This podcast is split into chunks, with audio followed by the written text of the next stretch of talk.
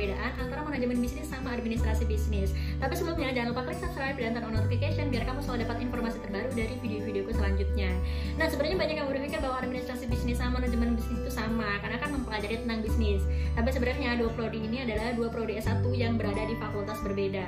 Oke perbedaan yang pertama itu dari segi fakultas. Kalau untuk manajemen bisnis ini biasanya berada di fakultas ekonomi dan bisnis. Kalau di UB ini berada di fakultas FEB, Fakultas Ekonomi dan Bisnis dan berada di bawah jurusan manajemen.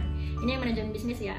Kalau untuk yang prodi administrasi bisnis ini berada di Fakultas Ilmu Administrasi dan ini berada di dua fakultas berbeda. Jadi sebenarnya konsep dasarnya itu berbeda. Kemudian perbedaan yang kedua adalah kalau untuk manajemen bisnis ini lebih ke arah manajemen secara general, sementara kalau untuk administrasi bisnis ini lebih spesifik. Kemudian perbedaan yang ketiga adalah tentu saja dari mata kuliah karena berasal dari fakultas yang berbeda dengan konsep dasar yang berbeda maka mata kuliahnya pun akan berbeda.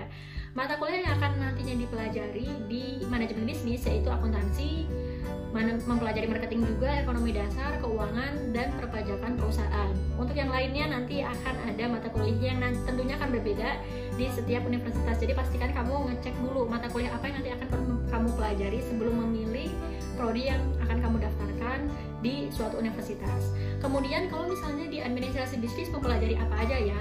Untuk mata kuliahnya mempelajari tentang penganggaran, hukum bisnis, kapitalisasi dan investasi, kontrak dan pengadaan, serta untuk hiring dan keputusan bagaimana mendapatkan seorang sumber daya manusia.